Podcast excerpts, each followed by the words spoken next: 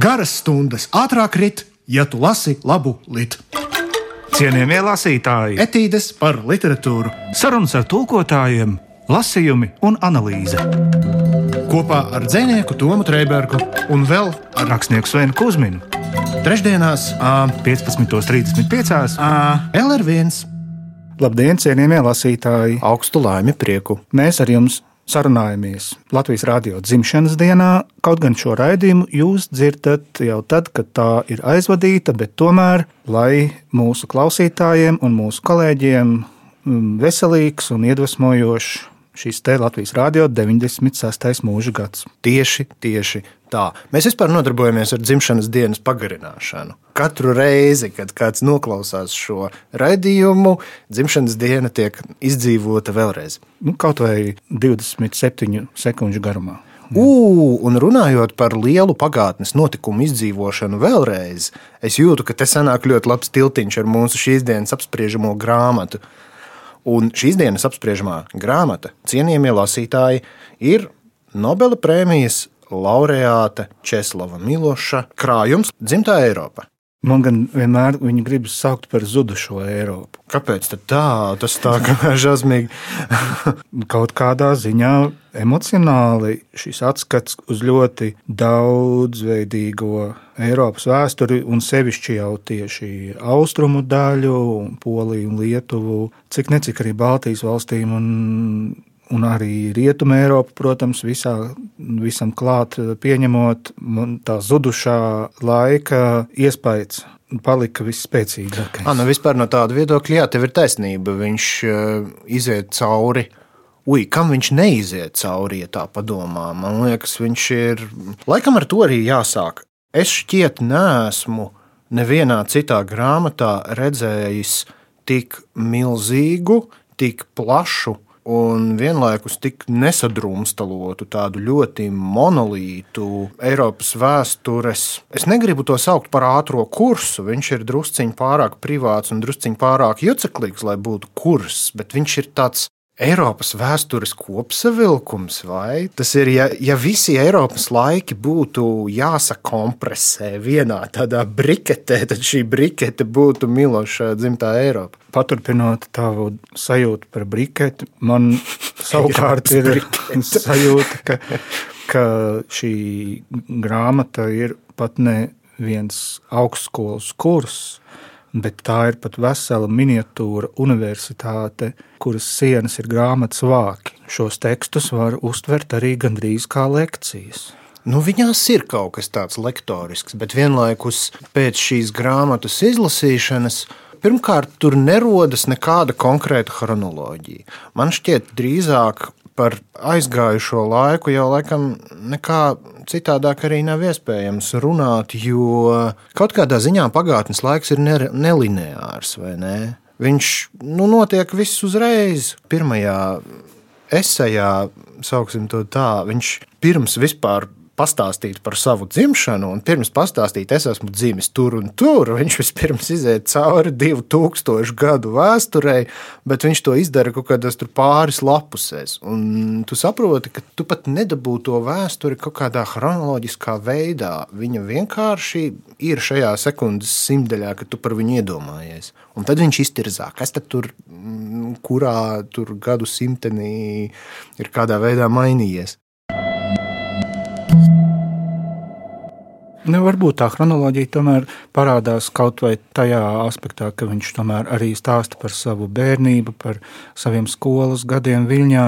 Tad varbūt arī kā vispār vēsturi chronoloģiski uztvert, to var arī samanīt viņa marksisma teorētiskajā analīzē, kur viņš tieši šajā doktrīnā ierauga tik ļoti nepieciešamo to lineāro un arī dialektisko vēstures e, izpratni. Bet nu jā, tās ir tikai tādas atskabārgas, aiz kurām lasītājiem nedaudz aizķerties un vienā brīdī kā just, ok, jā, mēs soļojam kaut kādā noteiktā virzienā, kaut vai pateicoties jau šim pieminētajam bērnības izklāstam, un tad nu, mēs acīm redzot pēc tam nokļūsim e, nu, kaut kādā vai nu tālākā Miloša personīgā attīstības fāzē, bet eh, atkal paiet kāda rindkopa, un jau aiz nākamā pagrieziena tramvaja sliedes nomaina autostrāde, Jā, un jā, pēc jā. tam atkal otrādi. Tā kā tu Jā. tiec svaidīts. Šurpu turpu.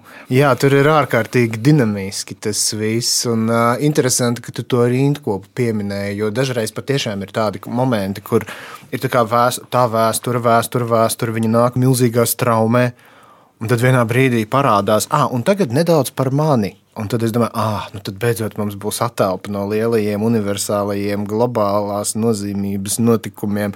Un tad paiet viena rindkopa, viņš izstāsta kaut ko ļoti, ļoti mazu par sevi, un tad atkal aiziet par kaut kādiem tur šļachtas laikiem vai kaut ko vēl.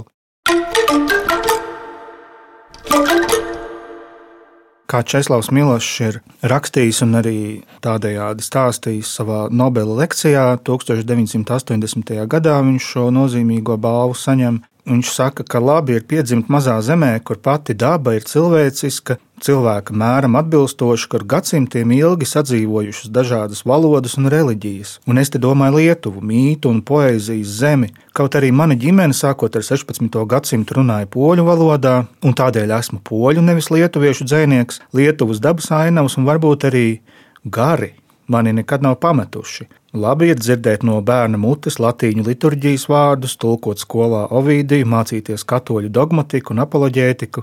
Tā ir liela laime saņemt no likteņa tādu studiju pilsētu, kāda bija Viļņa. Brīnumaina pilsēta, baroka un itāļu arhitektūra ziemeļu meža ielokā, ik akmenī iemūžināta vēsture, 40 katoļu baznīcu, arī vairāku sinagogu pilsētu. Tajos laikos ebreji to sauca par Ziemeļu Jeruzalemi.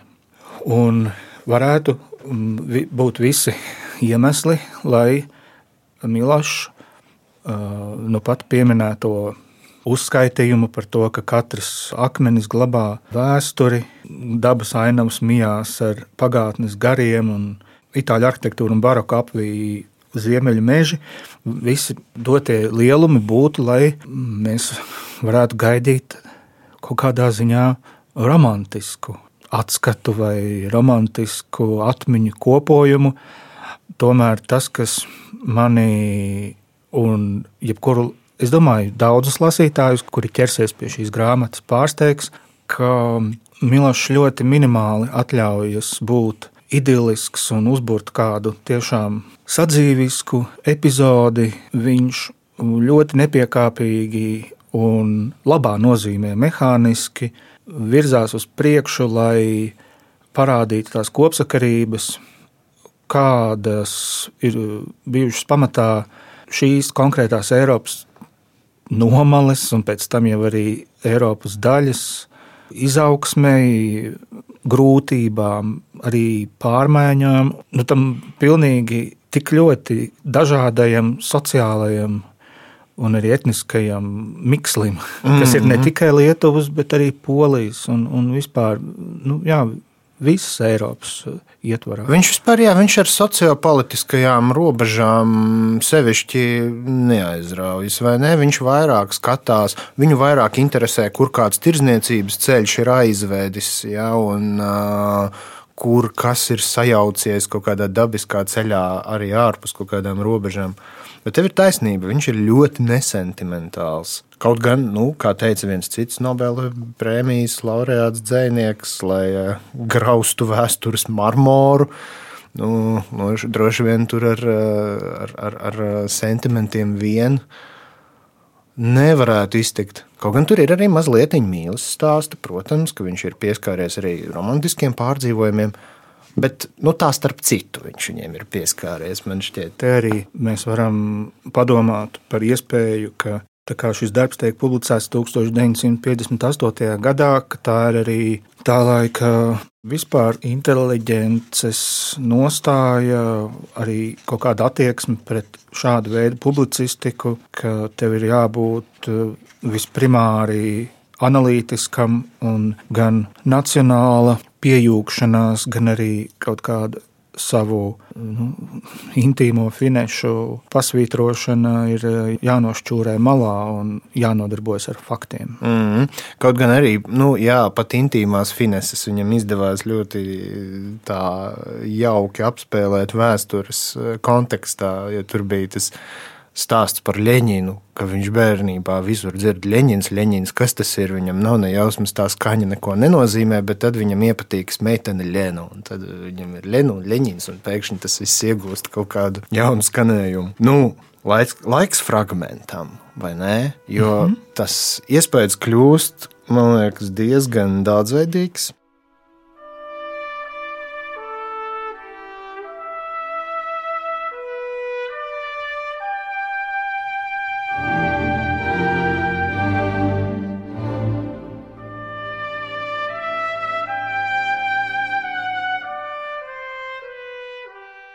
Tātad Česlavs Milošs, dzimtā Eiropa, izklausās apmēram šādi. Ja dabas likums ir slepkavība, ja izdzīvo stiprākais, bet bojā iet vājais, un tā tas ir jau miljoniem un miljoniem gadu, kur te ir vieta labajam dievam? Kāpēc cilvēks uz mazās, tukšumā iekārtās zvaigznes, kura nav nozīmīgāka par mikroskopā redzamajiem mikroorganismiem, izceļ savas ciešanas? Gluži tādas pašas ir putnam ar pāršautu spārnu, vai zaķim, kuru apēd lapsas, tad kāpēc tikai viņam ir jābūt uzmanības un pestīšanas cienīgam? No kurienes šāds izņēmuma stāvoklis, un no kurienes, ja jau tāds ir slimība, nāves nežēlība, cilvēku sagādātās mocības citiem cilvēkiem, šis pierādījums, ka dabas likumi izplatās arī uz šo sugu? Ar ko pūlis pilsētas ielā atšķiras no amēbu pūļa, izņemot to, ka cilvēku pamatrefleksi ir sarežģītāki? Šādi jautājumi mani nedēļām ilgi mocīja gluži kā drudzīgi. Laiks dabas zinātnēs ir telpisks, un to nevar iztēloties citādi kā līniju, kura bezgalīgi turpinās atpakaļ un uz priekšu. Evolūcijas teorija ir tīri telpiska. Arī tur mūžība ir iztēlojama kā līnija, vai vispār nav aptverama ar prātu. Nav viegli nonākt līdz idejai, ka šī līnija nozīmē aizlaiku, ka no kādas dievišķas perspektīvas Nīneves sagraušana, Kristus piedzimšana un skolas žurnālā ierakstītais datums pastāv vienlaikus, un starp citu, no šādas perspektīvas pazūd arī atstatumi un vienādības zīme, iespējams likt arī starp galaktiku un atomu. Atbildes meklēju mācību grāmatā, kurai esmu pateicība parādā par būtisku manas izglītības daļu. Tā bija baznīcas vēstures mācību grāmata. Es daudz neieguvu no fragmentos saskaldītajām kroniku ziņām, kuras mums dzina galvā kā polijas un citu valstu vēsture. Turpretī te priekšā bija visa Eiropas vēsture. Tādēļ es šodien uzskatu, ka mācības katoļu skolā ir ļoti noderīgas tam, kurš cenšas sevi uzturēt eiropeisko apziņu.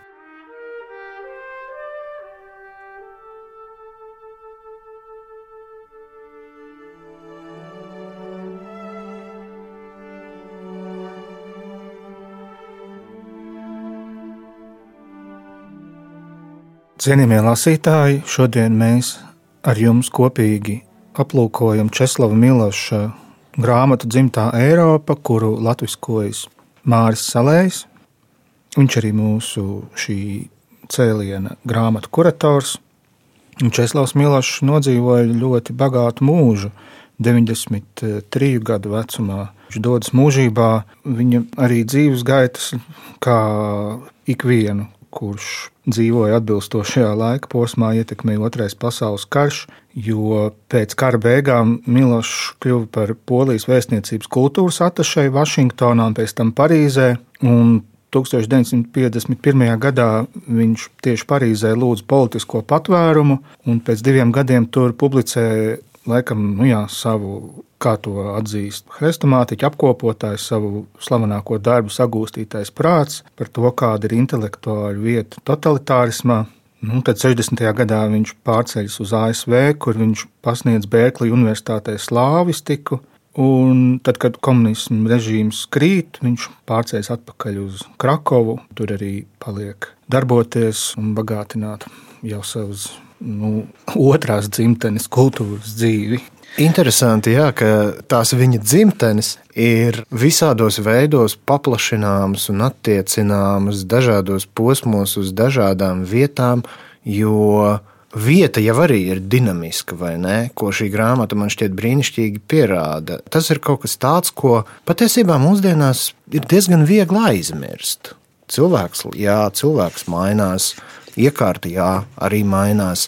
Bet tas, cik ļoti mainās vieta, tas šajā grāmatā man šķiet, ir kaut kā tā brīnišķīgi. Tas nav aprakstīts, to nevar aprakstīt. Bet um, pati tā izpratne par to, kas vispār ir Eiropa. Es nezinu, man, man šī grāmata ievieš kaut ko jaunu. uh, Katrā ziņā tajā izpratnē. Tev nav tāda efekta no viņas.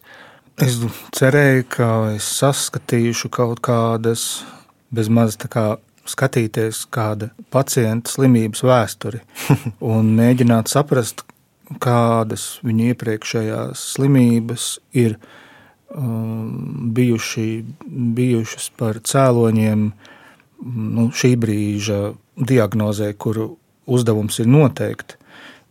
Un šādu diagnozi es vēlējos uh, vismaz aptuvenās, aptuvenos vilcienos uzstādīt Krievijas fenomenam, ar to domājot ne tikai ģeopolitisku vienību, bet arī tādu nu, dzīves izpratni, mm -hmm. nu, ka tā arī ir tā varbūt kā nu, tāds darbī, darbības motīvs, modus operandi. Nekas man ar to diagnozi liels ne, neizdevās. Taču man patika, ka es mm, ieguvu tādu plašāku fonu. Ja vajadzētu veidot tādu tā kā izrādi, tad man parādījās dekorāciju apveidi. Tā to varētu nosaukt. Tāpēc, ka vēl viena lieta, kas saistīta ar šo grāmatu, ka, teiksim, ejot cauri atsevišķām nodaļām, man tā, tas puzles attēls pavisam pilnīgs nesalikās. Jo es sapratu, ka nu, skaidrs tā tad, lai man būtu par šo konkrēto izvēlēto tēmu tāds, nu, tāds pilnīgi, pilnīga tā, tā ķeksīšu pievilkšanas iespēja, man ir jā, jāmeklē vēl sekundārā literatūra. Kā tas mēdz būt arī nosakot dažādu veidu diagnozes. Tā ir taisnība. Jā. Šādas tādas grāmatiņas ir vēl jāpalasa. Jā. Nu, lūk, tā kā, jā, es domāju, ka varētu sacīt, ka šis autobiogrāfiskais darbs ir kā homeopātiskā piliena esence, un tad nu, vismaz manā gadījumā, jā, ir nepieciešam, nepieciešams gan ūdens, gan nezinu, kaut kāds gāzēts ūdens, kur tu to esenci atšķaidi un mēģini priekš sevis pārgrupēt to uzņemt to informāciju. Nu, labi, gatavas diagnozes mums nav, un šobrīd, piedodiet, cienījamie lasītāji, nebūs. Bet tad varbūt tu vari nolasīt kādu gabaliņu vismaz par to, kur sāp. nu, sāp, piemēram, sāp, piemēram, tas, ka man bija vislielākā interese pārskatīt Miloša rakstīto par marksismu tāpēc ka šīs vārds ir tagad izvazāts pa mikroblogošanas vietnēm un sociālās saziņas vietnēm. Jā, un lai runātu par marksismu, mūsdienās rodas iespējas, ka neko nevajag zināt par marksismu. Arī. nu, vai arī tur jau viss ir pateikts pašā nosaukumā. Wikipēdijā man liekas, tu teiksi. un, nu, jā, un arī Eh, gan, gan marksisms, gan, gan tāda lieta kā sarkanums, Jā. Eh, kur arī pats eh, Milošs piemin, ir arī viens no tādiem elementiem, kurš ir pelnījis cītīgāku izpēti, par kuru acīm redzot, daļa no mūsu līdzbiedriem ir pilnīgi pretējās domās, jo tikai tāpēc, vien, ka noteiktai paudzei bija jāapzina zinātniskais komunisms, tad jau tur ir zīmoks virsū. Jā, jā. Nekad mūžā nekāda cita pieeja netiks aprobēta. Nu, tad nolasīšu fragment, kas man likās interesanti saistībā ar to marksismu doktrīnas apskatu.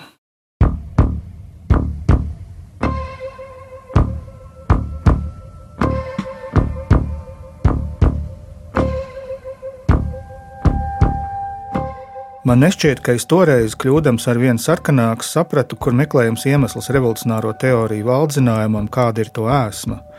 Tiesa, kaut kādas nojautas man jau bija. Šodien spriežu, ka visi jaunekļi, kuri Eiropā piedzīvoja šādus apgaismības brīžus, pirmām kārtām meklēja instrumentus, kuri tiem ļautu tikt galā ar kustības, jeb laika fenomenu.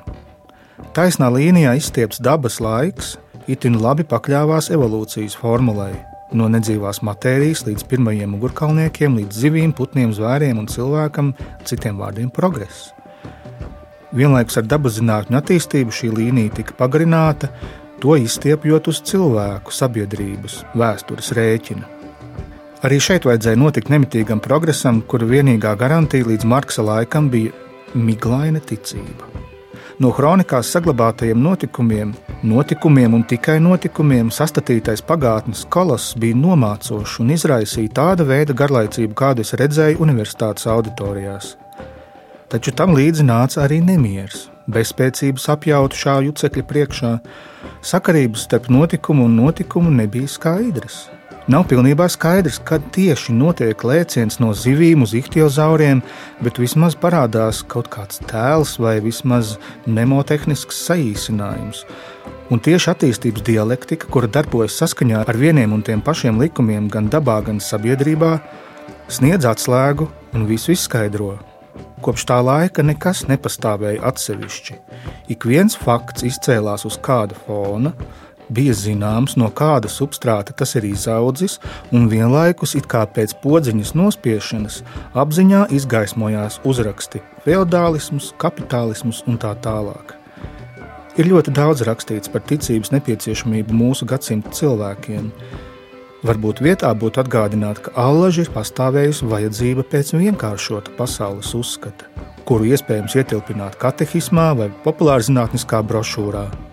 Marksisma magnētiskais pievilkšanas spēks laikam ir skaidrojums ar to, ka šī mācība parādījās brīdī, kad pasaules duālais skatījums dabas zinātniskās un humanitāro zinātņu kategorijās bija pārāk grūti aptverams, un jo primitīvāks bija prāts, jo lielāku gandarījumu tas guva, kad ņirbošo milzumu reducēja līdz vienkāršam kopsaucējam. Bieži vien tika dzirdēts runājot, Ja atmestu marksismu, vēsturē nebūtu jēgas. Vadoties pēc šādas iegribas, lai vēsturē būtu jēga, tika akceptēti būtībā nepieļaujami pārliecieni. Pārlieciens no dabas uz vēsturi, kaut arī tādu likumu postulēšana, kāda tiek noteikta laboratorijās, nav iespējama tur, kur eksperiments nav īstenojams, bet cilvēku vēlmes iekrāso katru faktu izvēli. Pārlieciens no vairāk vai mazāk zinātniski pētītas pagātnes, uz pravietojumiem, kas paslēpušies zem zinātniskuma maskas.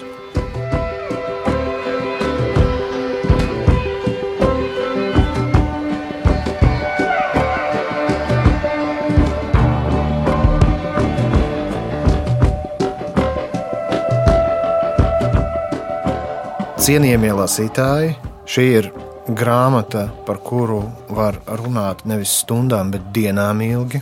Es domāju, vairākas dienas pie sarunām par šo grāmatu pavadīt varētu.